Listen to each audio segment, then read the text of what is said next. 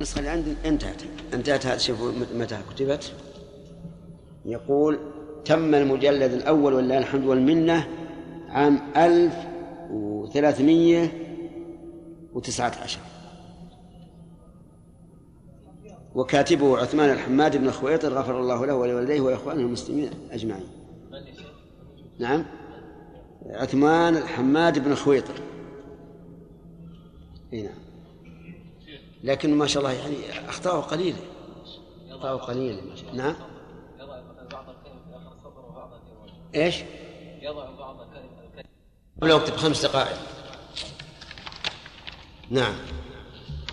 الحمد لله رب العالمين وصلى الله وسلم وبارك على عبده ورسوله نبينا محمد وعلى آله وأصحابه أجمعين.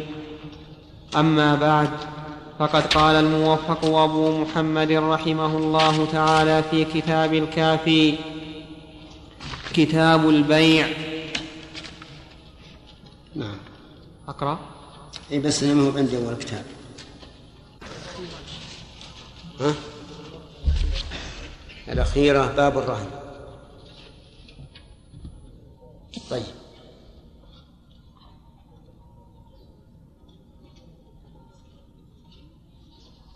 نعم. البيع كتاب البيع.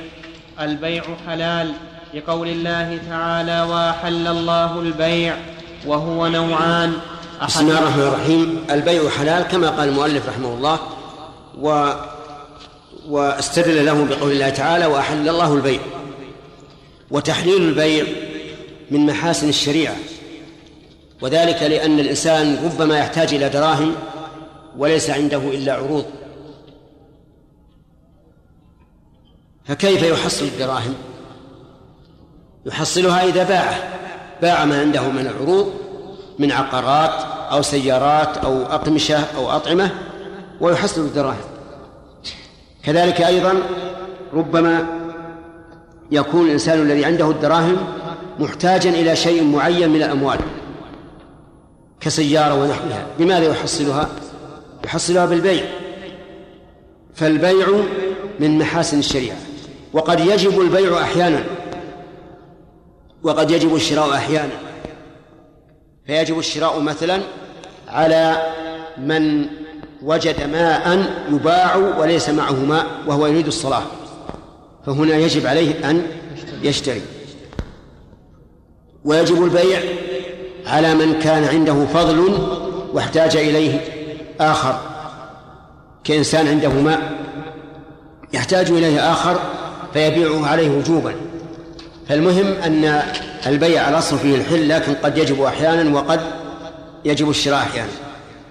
ولم يعرفه المؤلف لأنه ظاهر لكن عرفه غيره من الفقهاء فقالوا هو مبادلة مال بمال على التأبيد غير ربا وقرض. مبادلة مال بمال. على التأبيد غير ربا وقرض. ف فقولنا على التأبيد خرج خرج به الإجارة لأن الإجارة غير مؤبدة. وقولنا غير ربا خرج به الربا فليس ببيع. ولو صار في التبادل مال بمال. وقولنا وقرض خرج به القرض أيضا فإن القرض وإن كان مبادلة وإن كان مبادلة مال بمال لكنه ليس بيعا. فأنت تعطيني ريال قرضا وأعطيك بعد بدله ريالا. هذا تبادل ولكن ليس على سبيل المعاوضة بل هو على سبيل الإحسان والإرفاق. فلا فلا يكون بيعا. نعم. كتاب البيع. البيع حلال. لقول الله تعالى وأحل الله البيع وهو نوعان أحدهما الإيجاب والقبول فيقول البائع بعتك أو ملكتك أو لفظا بمعناهما. قوله وهو نوعان ليس هو البيع في النوعان وهو أي ما ينعقد به البيع. ما ينعقد به البيع نوعان. نعم. الإيجاب. وهو وهو اللفظ الصادر من البائع. والقبول وهو اللفظ الصادر من المشتري أو من يقوم مقامه. فيقول البائع فيقول البائع بعتك أو ملكتك أو لفظا بمعناهما. ثم يقول المشتري ابتعت أو قبلت أو نحوهما. نحوهما أو ابتعت أو قبلت أو نحوهما. فإن تقدم القبول أفادنا المؤلف رحمه الله أن البيع ليس له صيغة معينة بل كل ما دل على البيع انعقد به. والصواب أن هذا ثابت في جميع العقود تنعقد بما دل عليها دون تحديد لفظ معين. حتى النكاح لو قال مثلا لشخص ملكتك بنتي؟ فقال قبلت.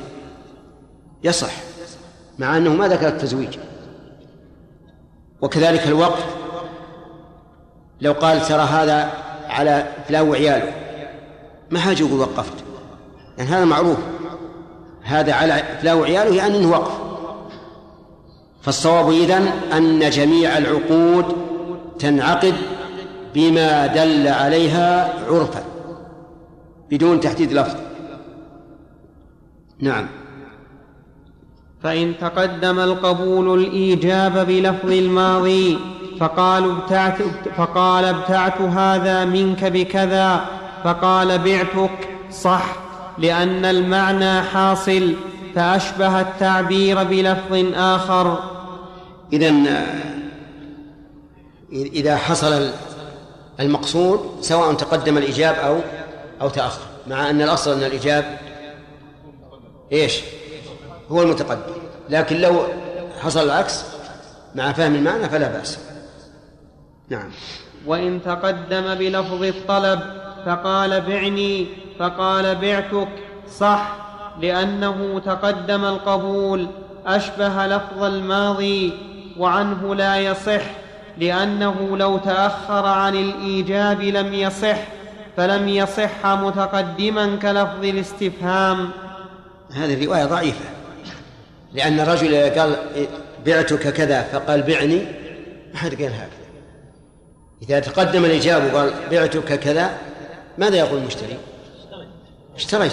أما يقول بعني ما حد قال. وقياس بعني السابق على الإجاب على بعني التابع للإجاب قياس مع الفارق العظيم. بعني هذا بمئة. كان نصيبك. ما قال بعتك. ولا بعت عليه. قال نصيبك ينعقد البيع؟ ينعقد. نصيبك. وش معنى نصيبك؟ بعته. يعني هذا نصيبك ولا يكون نصيبا له إلا بعد إلا بعد تمام عقد البيع. فالمهم أننا لا ننظر إلى اللفظ. كل ما دل عليه بأي لفظ كان سابق أو لاحق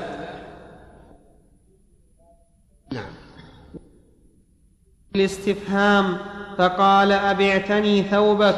فقال بعتك لم يصح متقدما ولا متأخرا لأنه ليس بقبول ولا استدعاء. هكذا قال المؤلف رحمه الله لكن هذا في خرم للقاعدة. لأنك إذا قلت أبعتني ثوبك بعشرة فقال بعتك. وش يفهم الناس؟ إنه تم البيع. فالصواب أن هذه الصورة لا ينبغي انت أن تخرج عما سبق فيقال كل ما دل على العقد فهو, فهو نافذ. لكن على كل حال كلما كان العقد أبين وأوضح كان أحسن لئلا يحصل نزاع في المستقبل فيحصل خصومة وملحات نعم.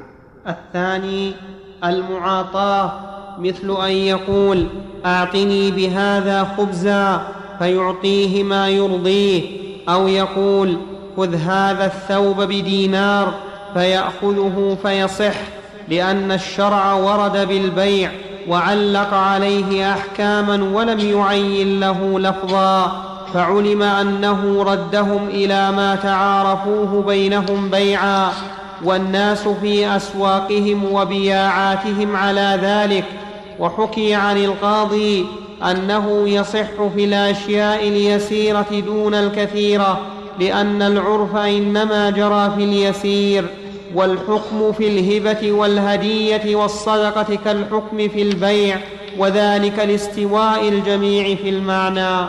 طيب. المعاطاة ذكر المؤلف لها صورتان أو ذكر لها صورتين.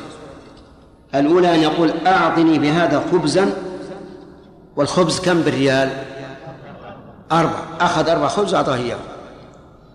الآن عندنا معاطاة من جانب البائع أو من جانب المشتري؟ البائع. المشتري قال أعطني صيغة صيغة قبول. أو قال خذ هذا الثوب بدينار فأخذه. وهذه تقع كثيرا في المزايدة. يقول من يأخذ هذا؟ من يأخذ هذا الثوب بريال؟ من يأخذ بعشرة؟ من يأخذ فيجي واحد يأخذ. وسلم العشرة. المعاطاة من من؟ هنا المعاطاة من من المشتري قد تكون المعاطاة من الجانبين. يكون مثلا سلعة مكتوب عليها الثمن ريال. موضوعة على الدكان. فيأتي إنسان يأخذ السلعة ويضع الريال. بدون كلام. لا من البائع ولا من المشتري. هذا إيش؟ معاطاة منين؟ من الجانبين. البائع ما تكلم والمشتري ما تكلم. لكن هذا معروف. هذا الرجل ما وضع هذه هذه السلعة أمام دكانه وكتب على كل سلعة رقم ثمنها إلا وهو يريد أن يسلم من أعطني لا تعطني بكم وما أشبه ذلك. طيب. إذن البيع ينعقد بالمعاطاة وهي كل فعل دل على العقد. هذه المعاطاة. كما أن الإجاب والقبول كل لفظ دل على الإجاب أو دل على القبول فالمعاطاة كل فعل دل على أجيبوا يا أخوان على العقد. طيب. أما تقييد القاضي بأنه في الشيء اليسير فهذا في الحقيقة وإن لم يقيد لكن الناس هم رايحين يبيعون بالمعاطاة الشيء الكثير. يجي واحد عنده مثلا عقار يسوى مليون ريال يبيعه بالمعاطاة ما يبيعه؟ يبيعه بالإيجاب والقبول والكتابة والإشهاد. فالمهم الناس دون دون أموالهم. إنما نحن نقول إنه ينعقد بالمعاطاة هذا الأصل لأنه لم يرد لفظ معين من من الشرع حتى نتبعه. نعم. وقت السؤال أقول وقت السؤال اقرأ شوي. إحنا بالصيغة الآن تونا.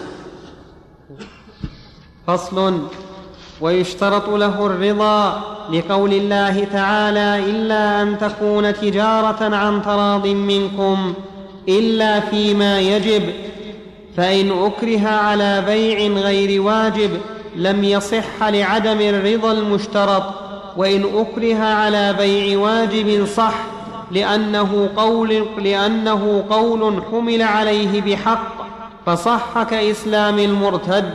ولا يصح من غير عاقل كالطفل والمجنون والسكران والنائم والمبرسم لأنه قول يعتبر له الرضا فلم يصح من غير عاقل كالإكراه نعم. الرضا شرط لا شك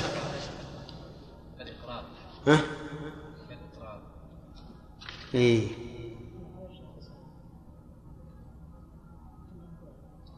كالإقرار صح كالإقرار.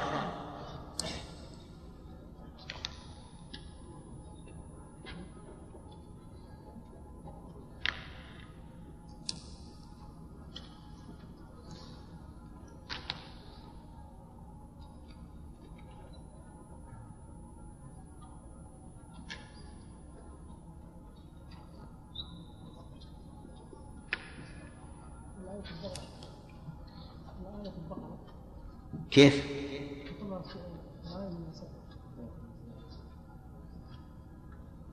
لا. لا هذه في النساء. إلا أن تكون عن منكم ولا تقتلوا أنفسكم. نعم.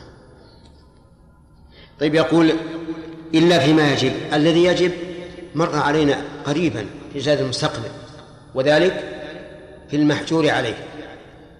المحجور عليه لفلس يجبر على أن يبيع أن أن يبيع ماله. ويستوفى دينه. إذا الرضا لا بد منه. والرضا شرط في جميع العقود. حتى في النكاح على القول الراجح. حتى في البكر حتى في أبيها. لا يجوز أن تزوج امرأة إلا برضاه بكرا كانت أم ثيبة وسواء كان الولي أباها أم غيره. جميع العقود لا بد فيها من الرضا قال إلا أن تكون التجارة عن تراض عن تراض منكم فإذا أكره الإنسان على البيع فإنه لا لا يصح ولا ينعقد ومثله الإجارة. وعلى هذا فلو أن الحكومة فرضت على المؤجر آه، سنوات معينة وتمت وقال صاحب الملك للمستأجر اخرج فقال أبدا عندي قانون إني ما أخرج. هل يحل لهذا المستأجر أن يبقى بغير رضا المؤجر؟ لا. يوجد الآن في البلاد آه، في بلاد أخرى غير بلادنا بلادنا والحمد لله الإنسان حر فيها. لكن في غير بلادنا يوجد إذا استأجر الإنسان العقار ما عاد يخرج. هكذا أفهم. ما أدري صحيح؟ صحيح؟ صحيح. نعم؟ ما يتملك وهو استئجار. كيف يتملك؟ اي لكن هو لا. طيب. إذن نقول للمستأجر. أنت إن بقيت بعد تمام المدة التي قدرها المؤجر فإنك غاصب. ولا تصح صلاتك على قول كثير من العلماء في هذا البيت. لأنه من شرط الصلاة صحة الصلاة أن أن لا تكون في بقعة مغصوبة. فصلاته غير صحيحة. ويخشى إن مت فيه أن لا يختم لك بحسن خاتم لأنك غاصب. والغاصب آثم فلا يحل لك أن تبقى. إذا قال هذا القانون القانون المادة الثالثة والخمسون نعم من أجر بيتا فإنه لا يمكن أن يخرج المستأجر إلا برضا المستأجر. ماذا نقول؟ نقول هل هذا القانون قانون سماوي؟ لا. إذا اضرب به على الحائط. اضرب به على الحائط ولا اجعله في تحت القدمين. أنت الآن لا يمكن أن ينفعك واضع هذا القانون يوم القيامة. إذا قيل لك لما سكنت في أرض في بيت أخيك بغير حق. لا ينفع. القانون لا يحلل الحرام ولا يحرم الحلال. أبدا. إلا ما كان موافقا للكتاب والسنة طيب. يقول لا ما باقي أربع دقائق يا شيخ. إيش؟ نكمل الشرط هذا. طيب. يقول لا يصح من عاقل من من من غير عاقل. اي أحسنت. آه، آه، في سبب. الرضا ذكرنا أنه شرط في كل عقد في البيع والإجارة والرهن حتى في النكاح لا بد منه. وذكرنا أنه إذا أكره على على البيع بحق فإنه يصح. طيب. وذكرنا أيضا أنه لا يصح من غير عاقل كالطفل. والمجنون والسكران إلى آخره. والمراد بالطفل من لم يصل إلى حد التمييز. فإن كان مميزا صح تصرفه فيما جرت به العادة كالبيضة والرمانة والبطيخة وما أشبه ذلك مما جرى به العرف. آه، المجنون لا يصح بيعه ولا شراؤه مطلقا لأنه لا عقل له ولا يمكن أن تتأتى منه الإرادة. السكران كذلك لا يصح بيعه ولا شراؤه لأن السكران فاقد العقل. النائم كذلك لا يصح بيعه ولا شراؤه لأنه لا عبرة بقوله. حتى لو سمعنا النائم يقول آه، إني بعت مالي الفلاني على زيد فإنه لا عبرة بهذا الإقرار. وكذلك أيضا المبرسم البرسام داء يصيب يصيب الإنسان في رأسه فيهدي ويكون كلامه غير منضبط. هذا أيضا لا يصح تصرفه بيع ولا شراء ولا غيره. قال لأنه قول يعتبره الرضا فلم يصح من غير عاقل. نعم. بسم الله الرحمن الرحيم. الحمد لله رب العالمين وصلى الله وسلم وبارك على عبده ورسوله نبينا محمد وعلى آله وأصحابه أجمعين. أما بعد فقد قال الموفق أبو محمد رحمه الله تعالى في كتاب البيع باب ما يجوز بيعه وما لا يجوز. كل عين مملوكة يباح نفعها واقتناؤها من غير ضرورة يجوز بيعها كالمأكول والمشروب والملبوس والمركوب والعقار والعبيد والإماء لقوله تعالى وأحل الله البيع وقد اشترى النبي صلى الله عليه وسلم من جابر بعيرا ومن أعرابي فرسا ووكل عروة بن الجعد في شراء شاه وباع مدبرا وحلسا وقدحا وأقر أصحابه على بيع هذه الأعيان وشرائها. الضابط فيما يجوز بيعه كل عين مملوكة احترازا مما مما لا يملك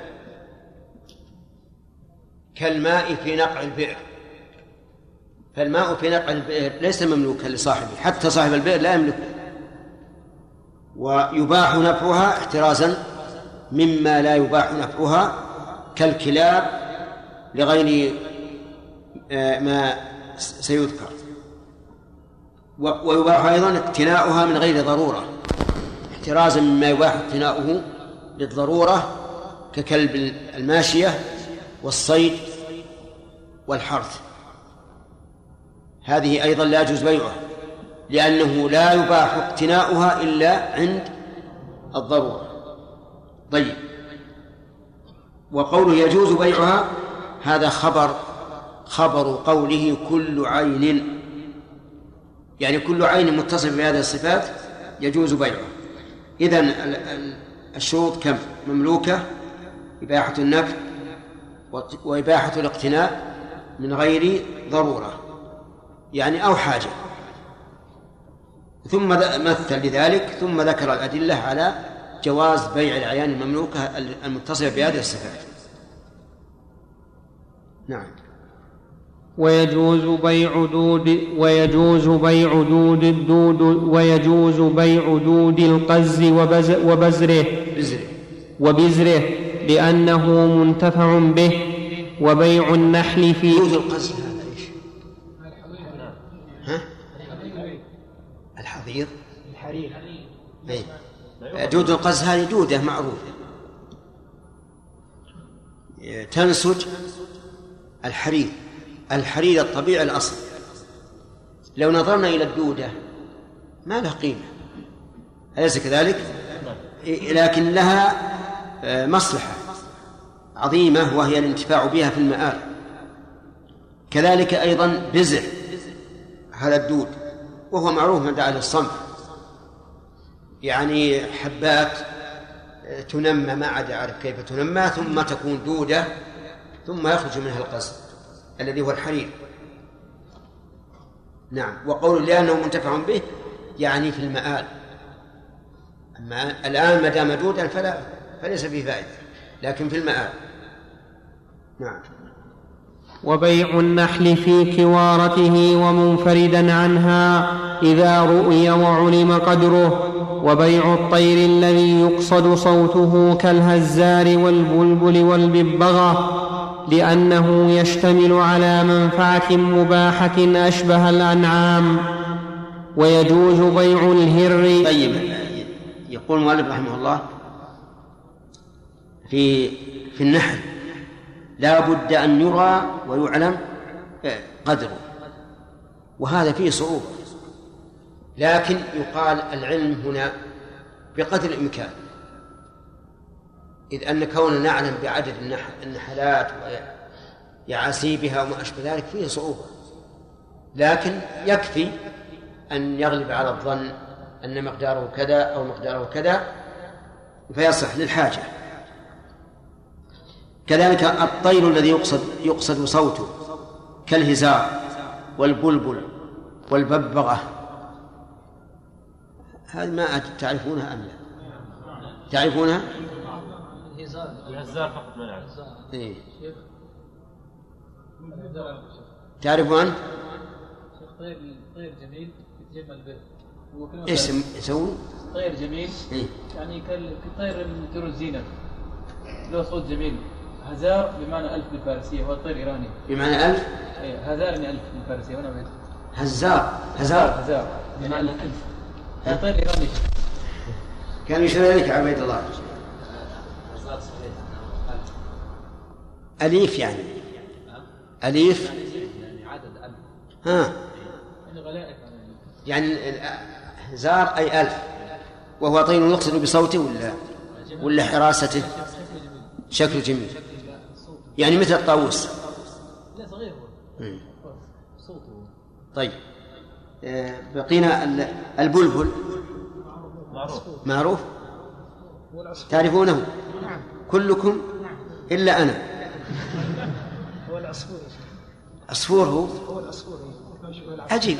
العصفور العادي ذا لا من من الانواع العصفور حجمه اكبر من العصفور العادي إيه؟ ولونه جميل ونزل الاسواق يعني يتغنى بها إيه؟ البلابل يا شيخ التي تباع في الأقفاص أي التي يتخذها الناس للزينة أي نعم. هي البلابل الصغيرة إيه هذه. الصغيرة خضراء وصفراء أي. أي. طيب. الببغاء أيضا معروفة. يقال إنها إذا إذا دخل أحد البيت أجنبي تصيح. صحيح هذا؟ طيب. نعم ويجوز. ويجوز بيع الهر وسباع البهاء. وسباع كسر. سم. ويجوز عندك؟ عندك بالضم؟ لا ما عندي. ويجوز بيع الهر وسباع البهائم والطير التي تصلح للصيد. كال... قول يجوز بيع الهر هذا إحدى الروايتين عن أحمد والرواية الثانية أنه لا يجوز بيع الهر لأنه ورد فيه حديث عن النبي عليه الصلاة والسلام أنه نهى عن بيع السنور والسنور هو الهر. وإنما وعلله ابن رجب رحمه الله وغيره من أهل العلم بأن الهر يعني ليس له ثمن في الواقع لأنه من الأشياء الدارجة بين الناس فهو يشبه الحطب ويشبه الماء يبتذل عادة فلا يجوز بيعه. نعم لو أن الهر انفرد بشيء معين واشتري من أجله بأن كان هذا الهر يصيد الفأر. يعني بعض الهرة بعض الهررة يصيد الفأر. وكذلك أيضا يقتل العقرب يقتل الوزغ يقتل الصراصر إذا إذا اتخذ هذا فقد يقال بأنه جائز. لأنه لأن فيه منفعة مباحة. سباع البهائم والطير التي تصلح للصيد. كالفهد والبازي ونحوها ونحوهما. نعم. كالفهد والبازي ونحوهما غير الكلب في إحدى الروايتين وهي اختيار الخرقي والأخرى لا يجوز واختارها أبو بكر وابن أبي موسى فقالوا فقالا لا يجوز بيعها لنجاستها فأشبهت الكلب والأول أصح لأنه حيوان لأنه حيوان أبيح نفعه واقتناؤه من غير وعيد في جنسه فجاز بيعه كالحمار وبهذا يبطل ما ذكرناه. ما ذكراه الله ما ذكراه ها؟ إيه هذا الصواب. وبهذا يبطل ما ذكراه. من هما؟ أبو بكر وابن أبي موسى. طيب. الصحيح ما ذكره المؤلف ورجحه وهو جواز بيع السباع التي تصلح للصيد لأن فيها منفعة مباحة. إلا الكلب. واستثني الكلب آه، لأنه ثبت عن النبي عليه الصلاة والسلام أنه نهى عن بيع الكلب. وهو الذي أراد المؤلف إخراجه بقوله واقتناؤه من غير وعيد في جنسه.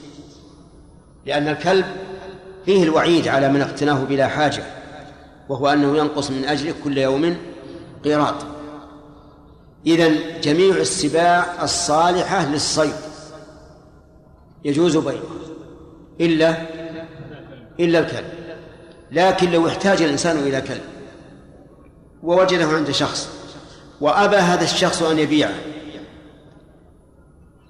فما الحكم؟ هل يجوز لمن احتاجه أن يشتريه؟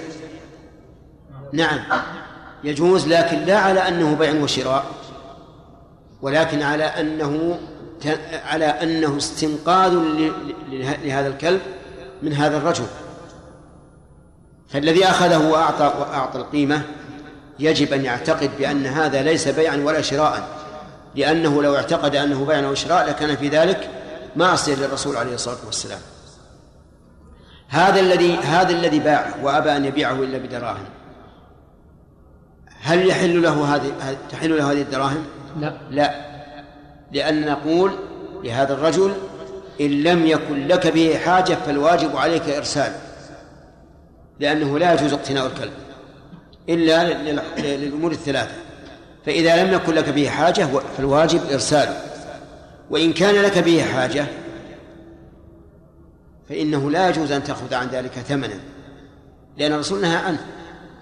وإلا فقد يقول أنا أنا لا أخذ ثمن لكن أنا أريد أن أتنازل عن حقي في هذا الكلب لهذا الرجل. نقول هذا تحيل وفي الحقيقة بيع. إذا جميع السباع التي يصطاد بها أو يحرز يحترز بها الإنسان فإنه يجوز بيعها. إلا إلا الكلب. هذه قاعدة مفيدة. نعم.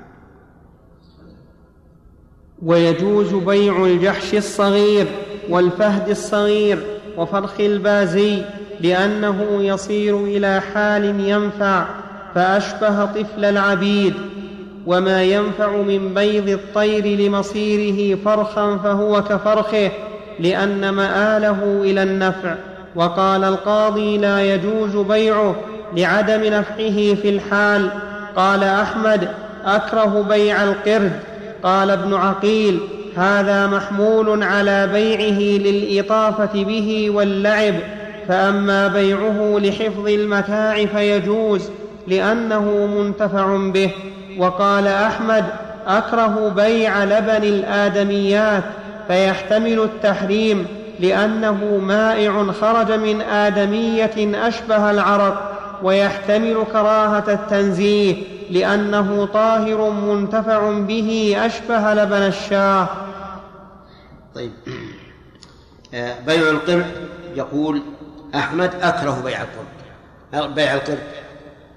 ومن مصطلحات أصحاب الإمام أحمد أنه إذا قال أكره فيعني به التحريم. وعلى هذا فيكون بيع القرد حراما. وما أجدر هذا القول بالصحة أنه يحرم بيعه لأن القرد يشبه الآدم حتى في الشهوة.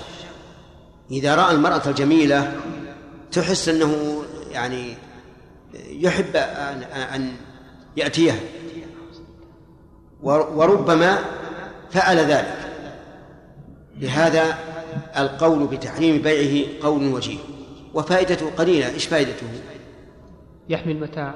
المالي بيقول إنه يحمي المتاع لكن لعله يحميه وهو حرميه يأكله لأنه هو يأكل. حرامي على كل حال هو يأكل المتاع فلا يؤمن عليه. طيب بيع لبن الآدميات. الإمام أحمد يقول أكره بيع بيع لبن الآدميات. فيحتمل كما قال مالك التحريم ويحتمل الكراهة. لكن حتى لو احتمل التحريم فإنه غير مسلم. لأن لبن الآدميات مائع ينتفع به. فأشبه لبن البهائم الأخرى. وأما تشبيهه بالعرق فمن أبعد ما يكون من التشبيه. العرق له رائحة منتنة ولا يتغذى به ولا ينتفع به. أما اللبن فإنه شراب طيب ينتفع به ويتغذى به. بل إن الله تعالى جعل له ثمنا. اللبن الآدمي جعل الآدمية جعل الله له ثمنا. فقال فإن أرضعن لكم إيش؟ فآتوهن أجورهن والمعقود عليه هذا القول الراجح في باب الإجارة. المعقود عليه اللبن. وأما قول بعض العلماء إن المعقود عليه عمل المرضعة من حمل الصبي وإلقاء من الثدي وما أشبه ذلك فهذا قول بعيد لأن حملها للطفل وإلقامه الثدي هل هو مقصود لذاته أو لغيره؟ لغيره. لغيره بلا شك. ولهذا إذا لم يكن بها لبن هل يمكن للإنسان أن يعطي طفله هذه المرأة التي ليس لها لبن من أجل أن تضعه على فخذيها وتلقمه الثدي؟ لا أبدا فالصواب أنه يجوز بيع لبن الآدميات نعم لكن كيف يباع لبن؟ يمكن يباع لبن الآدمي؟ أي نعم كيف؟ لا ترضى هذه نعم تحلبه ربما تكون امرأة عندها لبن كثير وليس عندها من من من يشربه. نعم فتحلبه في أوان وتبيعه. ويقال هذا لبن الآدمية. ويشربه الطفل. نعم. إيش؟ إيش؟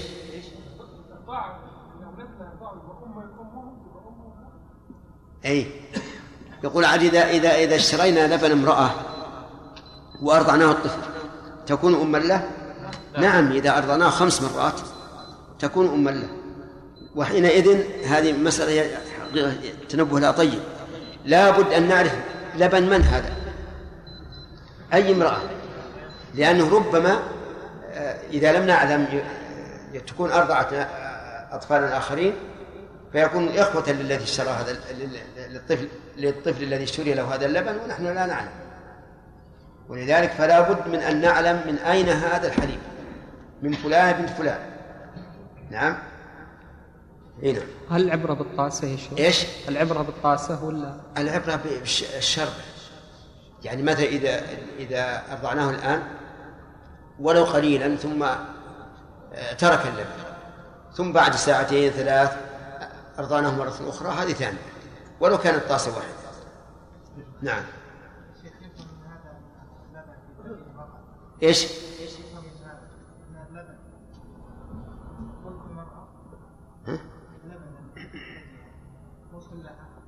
يكون لها؟ اي أي معلوم. ملك لها إذا خرج فهو ملك لها. أي نعم يجوز. إلا إلا لضرورة. يعني يجوز للمرأة أن تمتنع من من الرضاع إلا لضرورة إذا لم يقبل ثدي غيرها وخيف عليه التلف وجب أن ترضع. ثلاثة ثلاثة. الأخ. أي نعم. ثلاثة. فصل. ويجوز بيع العبد المرتد لأنه مملوك منتفع به وخشية هلاكه لا يمنع بيعه كالمريض. فإن علم المشتري حاله فلا شيء له لأنه رضي بعيبه وإن لم يعلم فله الرد أو الأرش. قتل أو أسلم كالمعيب. واضح هذا؟ نعم. إنسان اشترى عبدا مرتدا والمرتد معروف أنه إن لم يعد الاسلام وجب قتله. فهل يجوز؟ نقول نعم يجوز. إذا قال قائل إذا قتل ما ما منفعة المشتري؟ نقول منفعته أنه ربما يعتقه وربما آه، يكون له مال. فيرثه يعني بالولاء. المهم لابد أن يكون له مصلحة. ويقول المؤلف رحمه الله هلاكه خشية هلاكه لا يمنع بيعه كالمريض. بقي أن يقال هل للذي اشترى المرتد الخيار خيار العيب؟ في التفصيل. إن علم بأنه مرتد فلا خيار له لأنه دخل على بصيرة وإن لم يعلم فله خيار. نعم. ويصح بيع العبد الجاني عمدا وخطأ على النفس. عمدا وخطأ. ويصح بيع العبد الجاني عمدا وخطأ على النفس أو ما دونها. والأحسن أو خطأ أحسن ويصح بيع ويصح بيع العبد الجاني عمدا أو خطأ على النفس أو ما دونها لأنه حق تعلق برقبته غير غير متحتم فأشبه القتل بالردة. فإن كانت الجناية موجبة للقصاص فهي, فهي كالردة وإن كانت موجبة للمال فهو على السيد لأنه رضي بالتزام ما عليه. فإن كان معسرا فللمجني عليه رقبة العبد. إن شاء فسخ العقد ورجع به وإن شاء رجع على البائع بالأرش. يعني أرش الجناية. وإن كان قاتلا في المحاربة فكذلك في قول بعض أصحابنا لأنه ينتفع به إلى قتله لأنه ينتفع به إلى قتله ويعتقه فيجر ولاء ولده فصح بيعه كالزمن وحكمه حكم المرتد. وقال القاضي لا يصح بيعه لأنه متحتم القتل فلا منفعة فيه فأشبه الميت. لكن الأول صح أنه يصح بيعه. وهذا إذا إذا وصل إلى الحاكم أما إذا تاب قبل القدرة عليه فقد انتفع عنه القتل. نعم.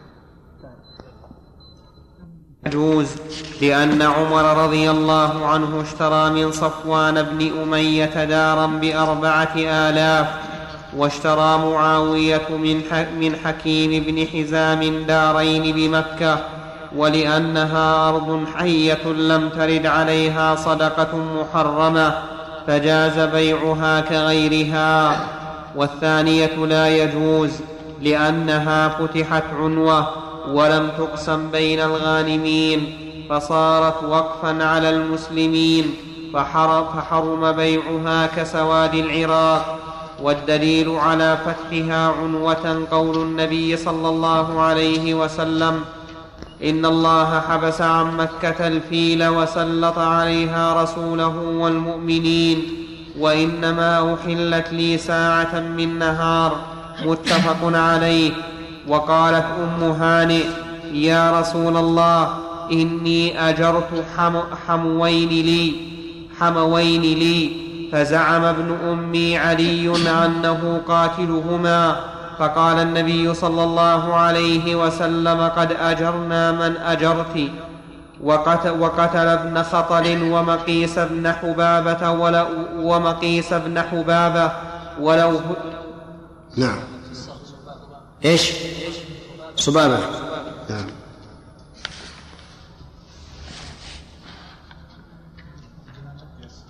ها؟ وش يقول؟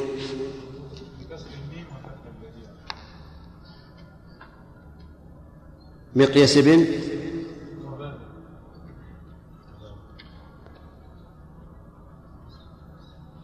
وقتل ابن خطل ومقيس بن صبابة ولو فتحت صلحا لم يجز قتل أهلها.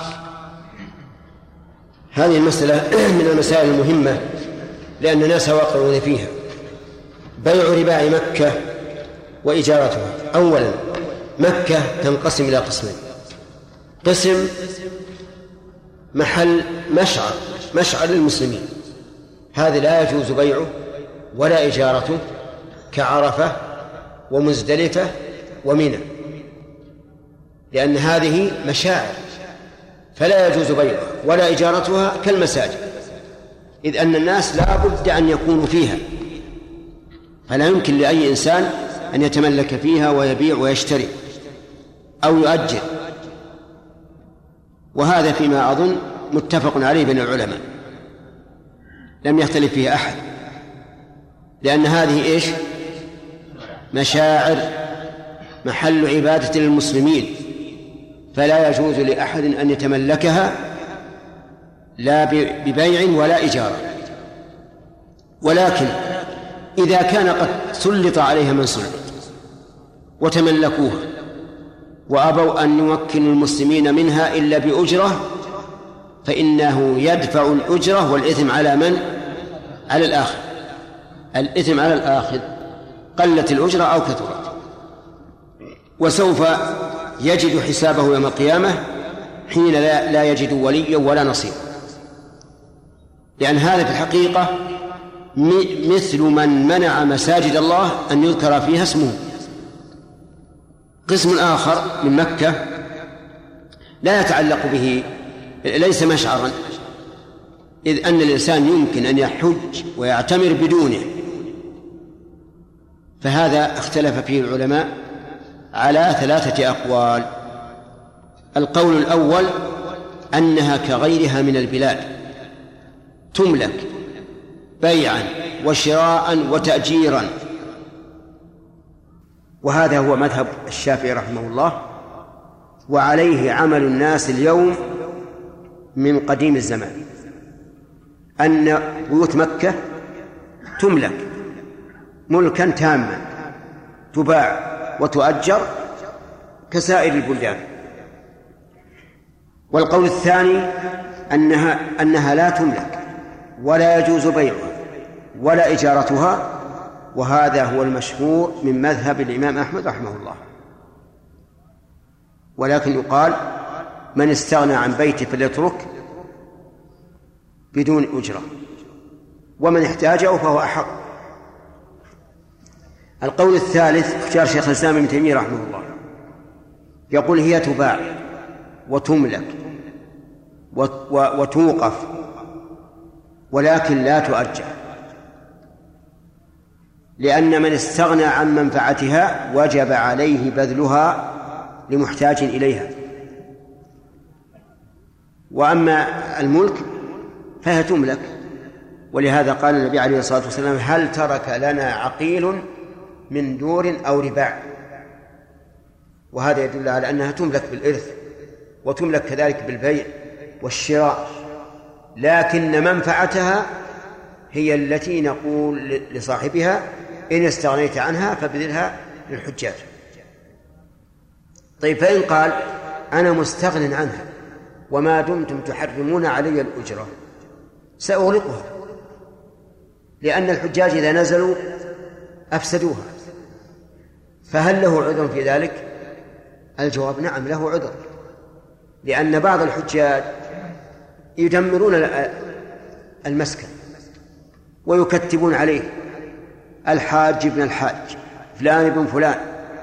نعم. والمرأة يمكن تكتب بعد اسمها ما أدري لكن أنا رأيت الحجاج يكتبون أساميهم على أبواب الحجر ويدمرون المنزل. فإذا قال أنا علي ضرر في أن أمكنهم. ف وقول شيخ الإسلام قول قوي. لا شك في ذلك. قال وكانت بيوت مكة على عهد عبد الله بن الزبير رضي الله عنه حين كان خليفة على الحجاز ومطبقا للسنة كانت البيوت مفتوحة. من استغنى عن حجرة أو غرفة دخلها الحجاج وسكنوا فيها. لكن العمل الآن كما قلت لكم أولا العمل على القول بأنها مملوكة وتباع وتشترى وترهن وتؤجر. أما التعليل الذي علل المؤلف به ذلك فهو عليل. يعني التعليل بأنها فتحت عنوة عليل جدا. العلة أنها حرم. يأوي الناس إليها من كل فج عميق. وقد قال الله تعالى والمسجد الحرام الذي جعلناه للناس سواء إيش؟ العاكف فيه يعني المقيم والبادي يعني الأفقي. ولهذا لو استشارنا أحد وقال ما, ما ماذا تشيرون علي؟ أنا عندي دراهم. أريد أن أشتري بها عقارا أستغله. هل تشيرون أن أضعه في مكة أو في المدينة أو في بلد آخر؟ نقول لا تضعه في مكة. ولا تساهم في شركة تستغل بالتأجير. ما دامت المسألة ذات ما دامت المسألة ذات خلاف بين العلماء ومن العلماء المحققين كابن تيمية رحمه الله من منع التأثير فأنت في في سعة اشتري عقار في المدينة اشتري في مكان في مكان آخر حتى تبرأ ذمته. نعم. فصل. وفي حديث أم هانئ أم هانئ هذه ما صلتها بالرسول بنت عمه لأن أبو لأن أباها أبو طالب. وقالت له إن ابن إن آه، فزعم ابن أبي ابن أمي علي وأخوها الشقيق. لكن قالت ابن أمي لأن العرب جرت عادتهم إذا أرادوا الاستعطاف الكامل ينسبون ذلك إلى الأم كقول هارون لموسى يا ابن أم لا تأخذ بلحيته ولا برأسه مع أن موسى وهارون أخوان. نعم. وفي حديثه دليل على أن على جواز تأمين الواحد من المسلمين. بمعنى أن من أجار كافرا فإنه ينفذ إجارته. فصل ولا يجوز بيع أرض الشام وسواد العراق ونحوهما مما فتح عنوة لأن عمر رضي الله عنه وقفه على المسلمين. وأقره في يد أربابه بالخراج الذي ضربه يكون أجرة له في كل عام ولم يقدر مدتها لعموم المصلحة فيها وقد اشتهر ذلك في قصص نقلت عنه. وعن أحمد أنه كره بيعها لأنه يأخذ ثمن الوقف وأجاز شراءها لأنه كالاستنقاذ لها فجاز كشراء الأسير.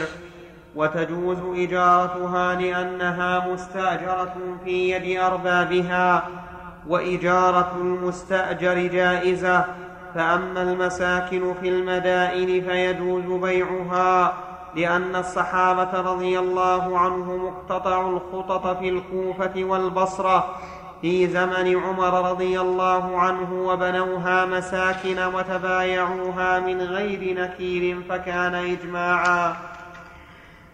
آه، من المعلوم أن المسلمين إذا فتحوا البلاد بلاد الكفر فأموالهم غنيمة وذراريهم ونساؤهم سبي ورجالهم المقاتلة والمعينون يخير الإمام يخير الإمام فيهم بين أمور أربعة فإما منا بعد وإما فداء هذا اثنين.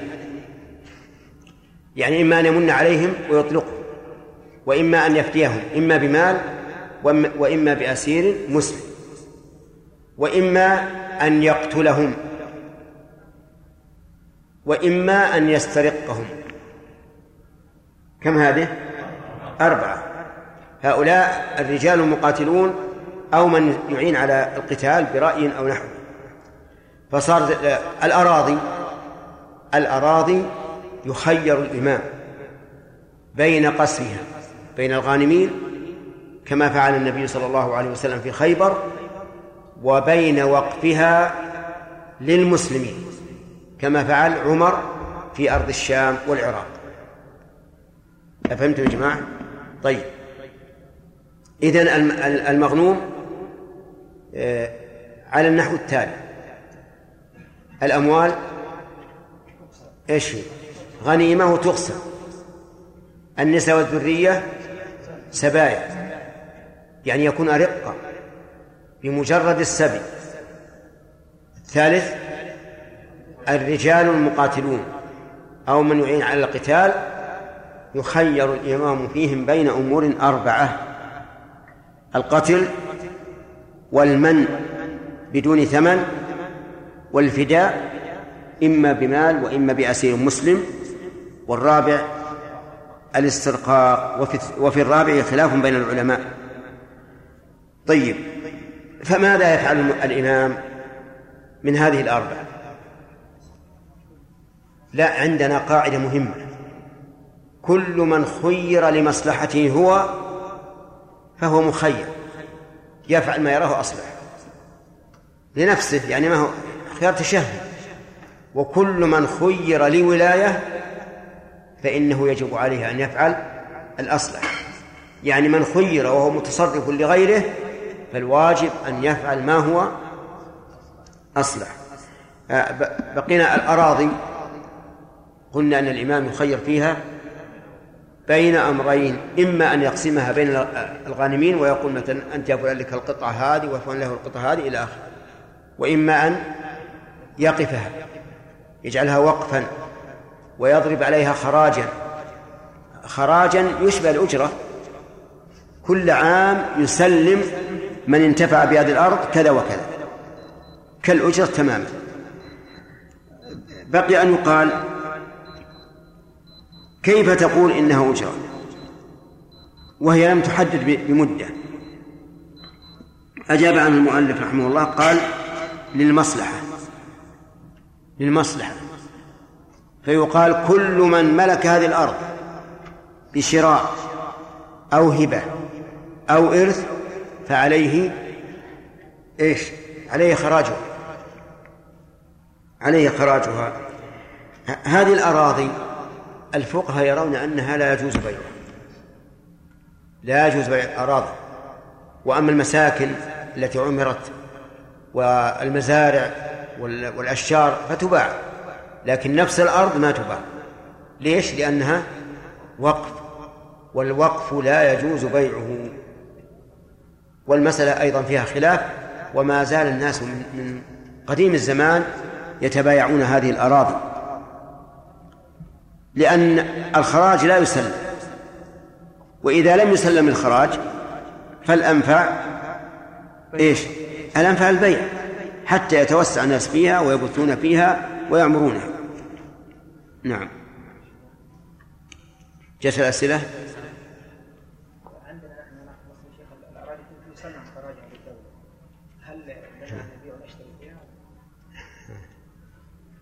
والله ما عاد إن كان إن كان يفعل هذا ضريبة نعم؟ ما هو ما هو بالخرج اللي ضربه عمر؟ على كل حال أرى أن تسأل العلماء هناك أحسن لأنهم يعرفون أكثر مني. صالح. إيش؟ من غير إيش؟ إي نعم. نعم. ها؟ إجماع عملي. ما دام ما في أحد منكر والعلماء يرون يرونها تباع وتشترى. هذا. نعم. وش الأصل؟ تحريم خلاف الموجود بين أهل الأدلة الأدلة موجودة مبسوطة في في في, في الهدي زاد المعاد في هدي خير وأنا ذكرت لكم آه، دليل شرعي. الذي جعله الناس سواء على كفوف والباد ودليل آه، نظري وهو أن هذا محل الحج والعمرة للمسلمين ولا يمكن أن أن الإنسان يتحجر. لكن ذكرنا أيضا آه، رأي آخر أنه يجوز. لا لا المشاعر لا يجوز مطلقا. ما في إشكال. غير المشاعر هو هذا. نعم. فصل. قال أحمد لا أعلم في بيع المصحف في بيع المصحف رخصة. ورخص في شرائه وقال هو أهون. وذلك لأن ابن عمر وابن عباس وأبا موسى كرهوا بيعه ولأنه يشتمل على كلام الله. فيجب صونه عن الابتذال فيجب صونه عن الابتذال والشراء أسهل.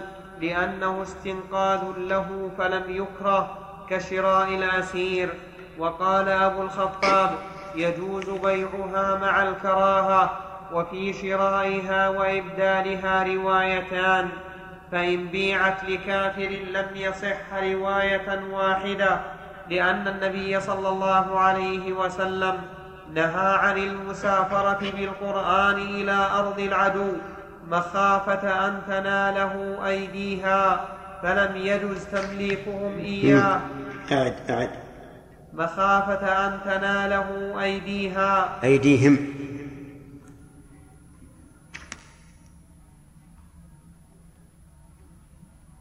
مخافة أن تناله أيديهم فلم يجز تمليكهم إياه وتمكينهم منه. ولأنه يمنع من استدامة ملكه فمنع ابتداء كنكاح المسلمة ها؟ وين فيه؟ واحد تكلم بعد إيش؟ بعد الحديث قال حديث صحيح متفق عليه نهى عن المسافرة. في القرآن الأربع عدو هذه شرط تراجع لنا غدا جيبوا لنا في البخاري ومسلم. هذه المسألة هذه المسألة فيها خلاف هل يجوز بيع المصحف أم لا؟ فمن العلماء من قال لا يجوز بيعه لأنه ابتذال له ولهذه الآثار التي أشار إليها المؤلف رحمه الله. والقول الثاني أنه يجوز بيعه وشراؤه والصحابة كرهوا ذلك لسبب. وهو وجوب نشر القرآن بين المسلمين. والمصاحف في ذلك الوقت قليلة. عثمان رضي الله عنه كم كتب من مصحف؟ وبعثها إلى الآفاق. وقل من يكتب المصحف. فإذا قلنا إنه تباع صار الإنسان يحتكرها ولا يبيعها إلا بغالي الثمن. وحينئذ يحرم المسلمون من قراءة القرآن. أما في وقتنا والحمد لله فالأمر بالعكس المصاحف كثيرة جدا. وإذا أبى أحد أن ننتفع بمصحفه إلا بشراء وجدنا من يبذل من يبذله ويبيعه. ولهذا كان الصواب أنه أن بيعه وشراءه لا بأس به. وما زال المسلمون يعملون بذلك من أزمنة متطاولة. وكنا ونحن صغار نسمع الذي ينادي على المصحف لا يقول من يشتري المصحف يقول من يشتري القطاعة. قطاعة. تعرفون القطاعة؟ ها؟ الجلادة هذه. هذه القطاعة. من يشتري القطاعة. طيب يعني نضحك على أنفسنا. اللي بيشتري يشتري اللي بيشتري القطاعة ولا يشتري المصحف؟ المصحف. القطاعة هذه لو لو يلقيها الإنسان بالسوق ما ما ما ما أخذها أحد؟ إلا كان من باب إماطة الأذى. وكيف إن يقال من نشر القطاع؟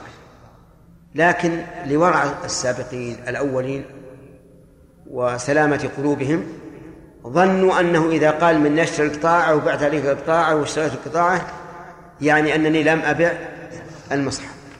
نعم. لكن الصواب الذي لا شك فيه أنه جائز وأنا لم أبع القرآن. نظير ذلك لو أن إنسانا قال أبقرأ عليكم القرآن بدراهم. قلنا هذا حرام. ولو قال أعلمكم القرآن بدراهم. يجوز أو لا؟ يجوز. الآن حينما نبيع المصحف لسنا نبيع كلام الله. كلام الله لو نبيع أنفسنا ما بعناه. لكن نبيع الورق الحبر التعب. أما القرآن فلا, فلا, فلا نبيعه لذلك نرى أنه لا بأس به ولا, ولا إشكال فيه. انتهى؟ فوائد الحديث يا جماعة. باقي. باقي. من جملته أن بعض العلماء استدل بهذا الحديث على أن الكفار لا يخاطبون بفروع الإسلام. أنهم لا يخاطبون بفروع الإسلام. لأن قال لهم في الدنيا وهي حرام علينا وحلال لهم. ويسأتي إن شاء الله الكلام في ذلك. انتهى الوقت طيب. نعم. بسم الله الرحمن الرحيم.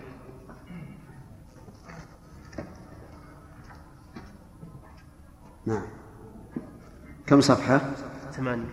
نعم. الثامنة ثمانية. نعم.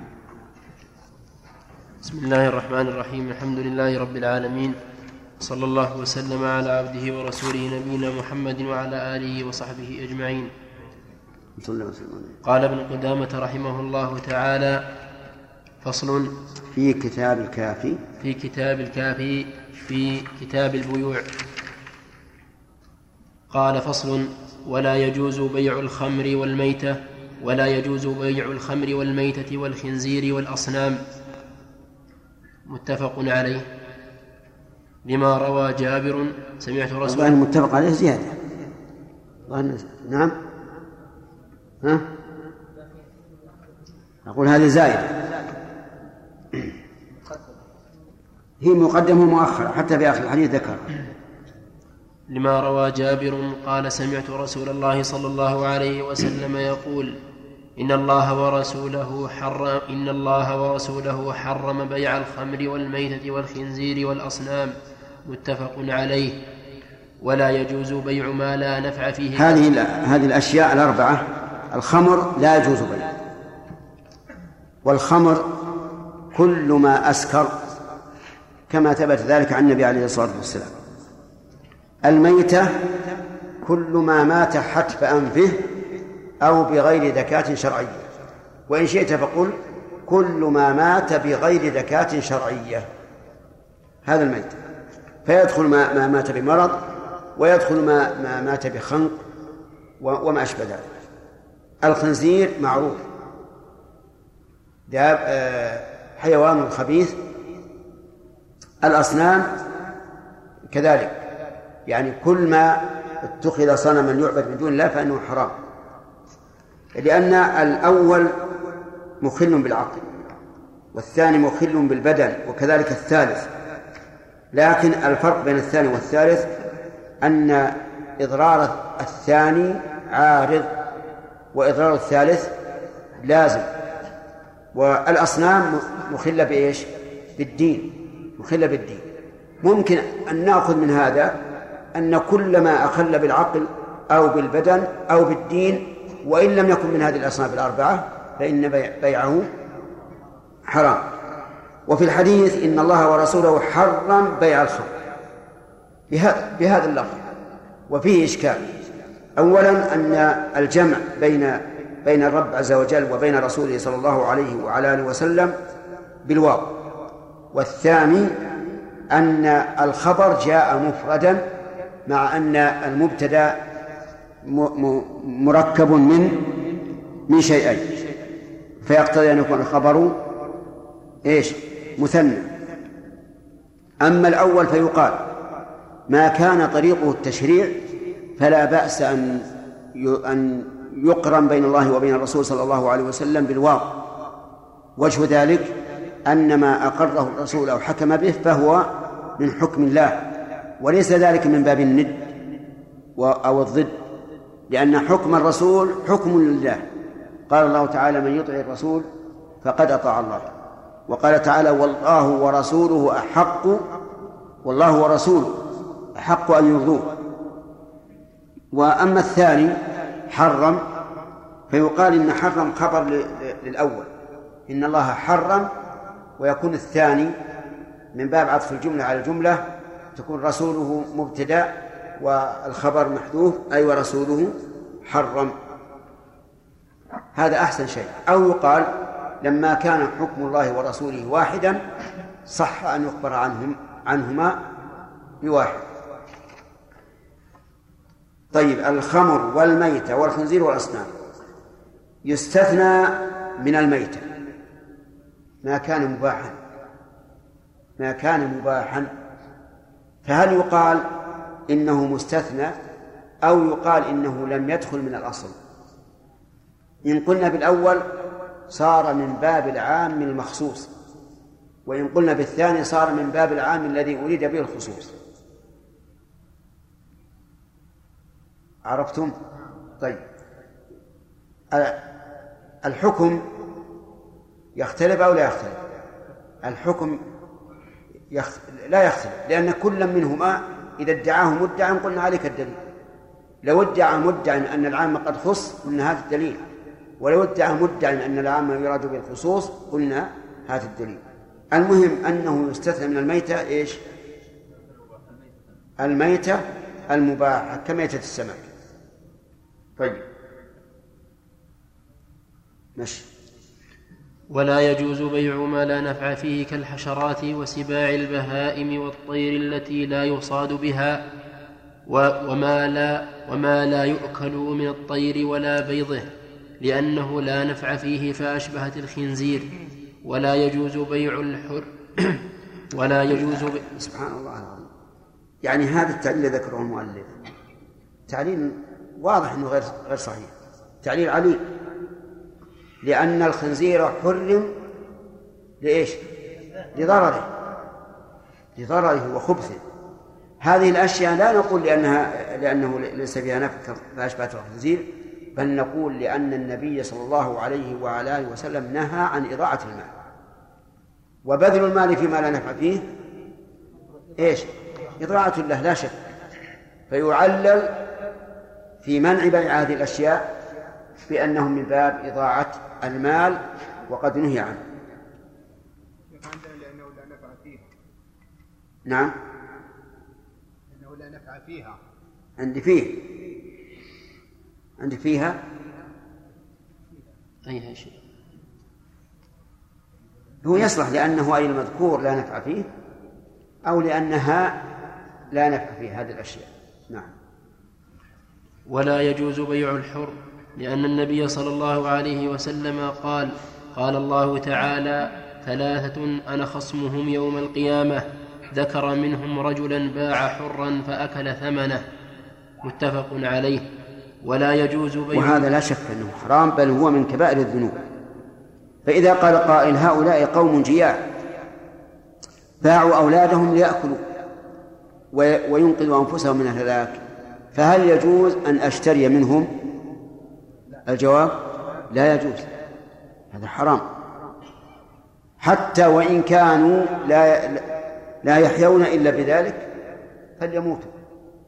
لأنه لا يجوز أن يباع الحر. نعم. ولا يجوز بقية الثلاثة ما هي؟ رجل أعطى بي ثم غدر. يعني أعطى شخصا عهد الله وميثاقه ثم غدر. والثالث رجل استأجر أجيرا فاستوفى منه ولم يعطه أجرا. نعم. ولا يجوز بيع ما ليس بمملوك كالمباحات قبل حيازتها لأنها غير مملوكة أشبهت الحر. صحيح. المباحات يعني مثلا الأعشاب والكمأة وغيرها مما يجنيه الإنسان من الأرض فإنه لا يبيعه حتى يملكه. فلو جاء رجل إلى بدوي وحوله أرض واسعة وقال له البدوي اشتر مني كلأ هذه الأرض فإنه لا يجوز. لماذا؟ لأنه لا يملك الكلأ إلا إذا حشه وحازه وقبل ذلك ليس ملكا له. نعم. ولا يجوز بيع الدم ولا السردين النجس لأنه مجمع على تحريمه لأنه مجمع على تحريمه ونجاسته أشبه الميتة. هذا التعليل يدل على أن الدم المباح يجوز بيعه. كالكبد طحال دم القلب يجوز بيعه لأنه مباح. طيب بيع الدم لغير أكل الدم. بيع الدم لغير أكل ليحقن في المريض. كما يوجد الآن إذا احتاج الإنسان إلى دم حقنوا به دما. هل يجوز أو لا؟ نعم. نعم ظاهر الأدلة أنه حرام. لا يجوز. لكن إذا لم يوجد إلا بعوض فهنا يدفع العوض ويكون الآثم الآخذ وأما الدافع فليس بآثم. طيب استرجين النجس يعني آه، ما تدفن به الأرض عند زرعها ويسمى عندنا السماد. النجس لا يجوز بيعه مثل آه، سرجين الحمر سرجين الآدمي عذرة الآدمي. مع أن القول الراجح أنه يجوز أن يدفع يعني أن يسمد بها لكن لا يجوز بيعها لأنها نجسة العين.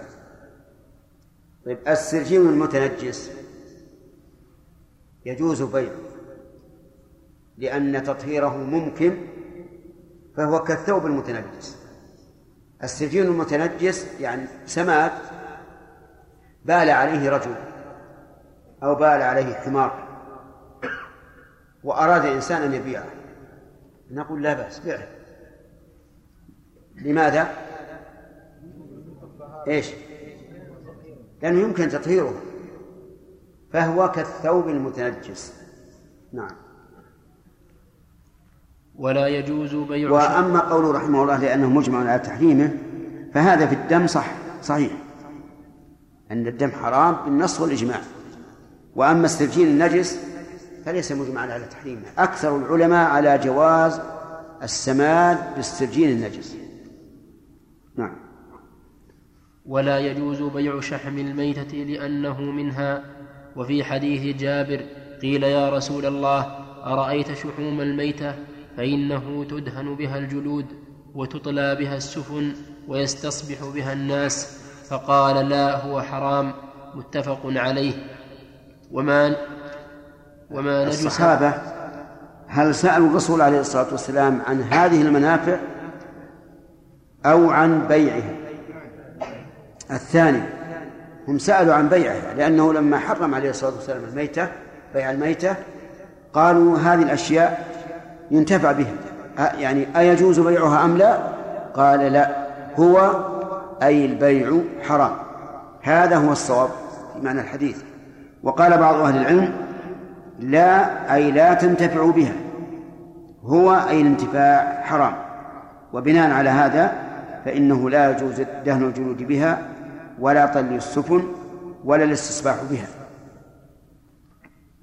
دهن الجلود معروف لأن الجلد إذا دهن بال... إذا آه، دهن بالدهن صار لينا ولم يتكسر.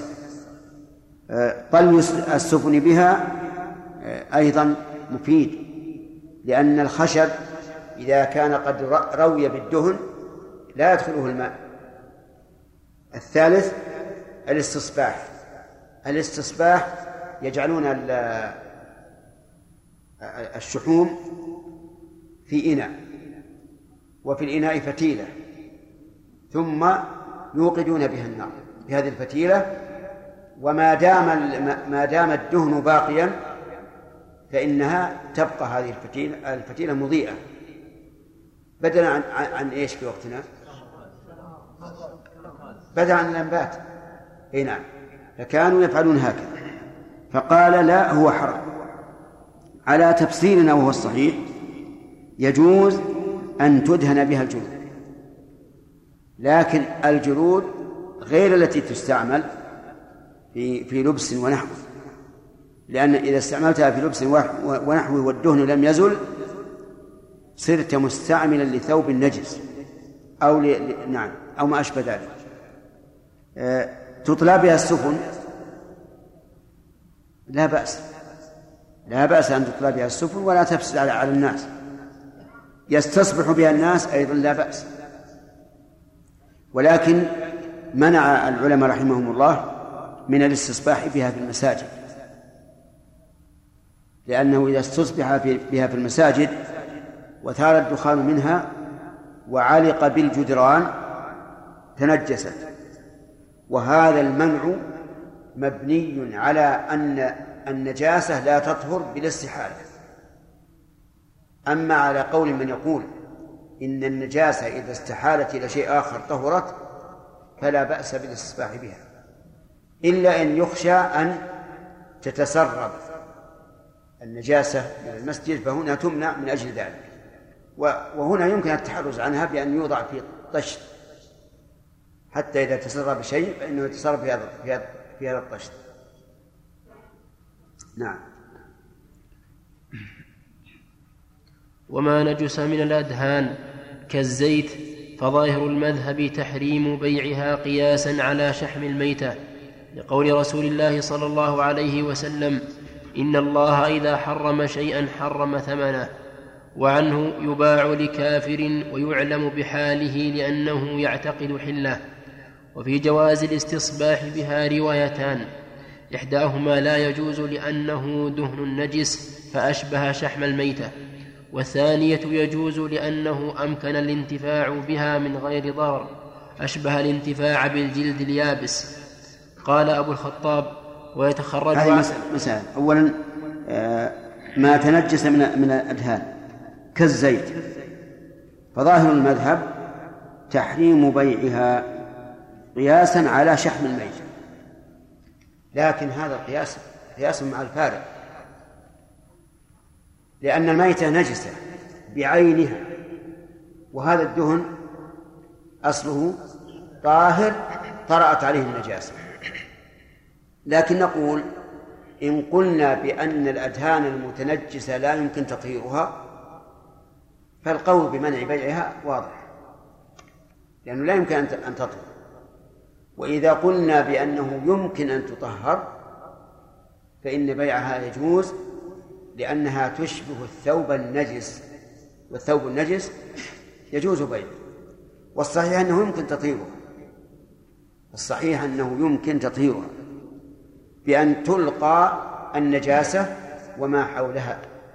فإن النبي صلى الله عليه وعلى آله وسلم سئل عن الدهن تموت فيه الفأرة فقال عليه الصلاة والسلام أو السمع فقال صلى الله عليه وسلم ألقوها وما حولها وكلوا سمنا. طيب أيضا يقول رحمه الله وفي جواز الاستصباح بها روايتان. والصحيح أن أن الاستصباح بها جائز جائز من باب أولى.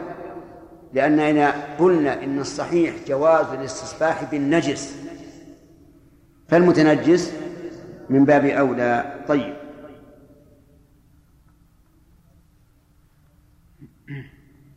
قال أبو الخطاب. قال رواه أبو داود أي إن الله إذا حرم شيئا حرم ثمنه. رواه أبو داود. لا ما هي عندي عندكم؟ طيب.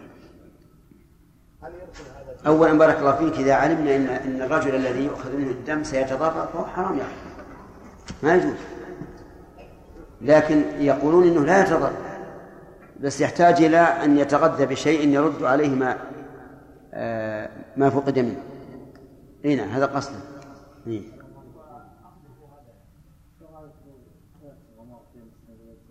إيش؟ ها. والله هذه إن, إن جعلتها من باب المكافأة فلا بأس. من صنع إليكم معروف فكافئوه. وإن جعلتها من باب العوض قال لا أبدا أنا ما أعطيكم لين تعطونا عصير نعم هذا عوض ما يجوز. مع أن اللي أعرف أنا أن عندنا ما أدري محلات أخرى ما عندنا نفس المستشفى يعطيه يعوض.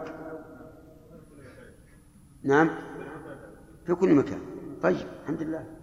إذن بطل إيراد السؤال إيه طيب. نعم.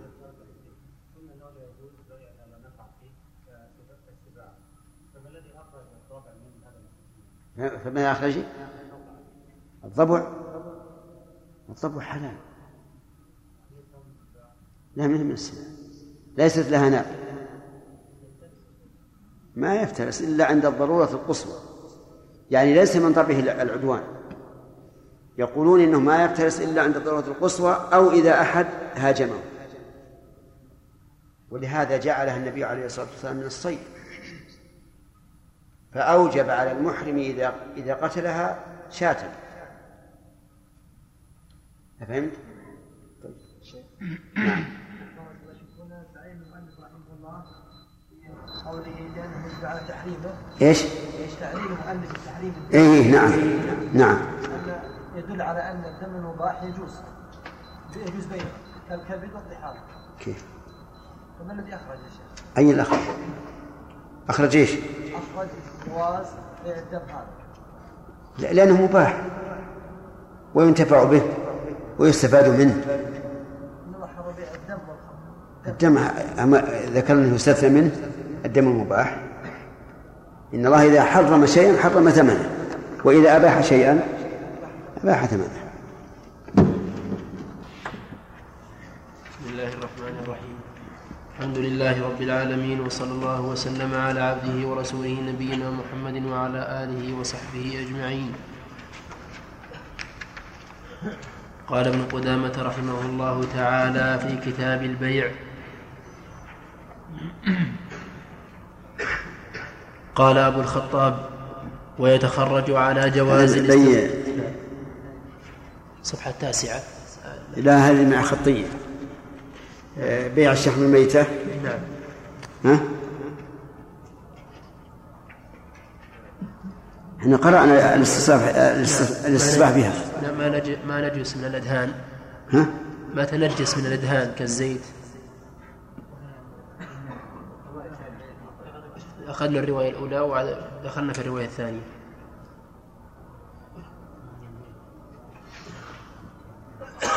وفي جواز الاستصباح بها. نعم. عندكم؟ نعم. ابدأ من هنا. قال رحمه الله تعالى وفي جواز الاستصباح بها روايتان. إحداهما لا يجوز لأنه دهن نجس فأشبه شحم الميتة. والثانية يجوز لأنه أمكن الانتفاع بها من غير ضار. أشبه الانتفاع بالجلد اليابس. قال أبو الخطاب ويتخرج على جواز الاستصباح بها جواز بيعها. قال القاضي ولا تطهر بالغسل لأنه لا لأنه لا يتأتى فيها العصر.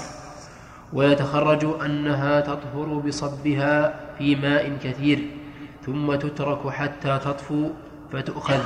والعصر إنما يعتبر فيما يتأتى العصر فيه. بدليل الحجر بد- بدليل بدليل الحجر والأخشاب. اختاره أبو الخطاب. فأما غير الأدهان كالخل واللبن فلا تطهر وجها واحدا. هذه مسألة اختلف فيها العلماء رحمهم الله. الماء سب- سبق أنه يطهر الماء. يطهر الماء بواحد من الأمور ثلاثة. إما أن يضاف إليه ماء كثير حتى يزول التغير. هذه واحد. وإما أن ينزح منه. ينزح منه حتى يزول التغير وهذا يكون في الآبار لأنه الآبار كلما نزح منها تجدد الماء. وإما أن يزول بنفسه. يزول تغير الماء بنفسه. لكن غير الماء هل يمكن تطهيره؟ الصحيح أنه يمكن. فقد قال النبي صلى الله عليه وسلم في الأدهان ماذا قال؟ قال في الفأرة تموت في السمن ألقوها وما حولها ألقوها وما حولها وكلوا سمنا إذا يمكن أن تطهر.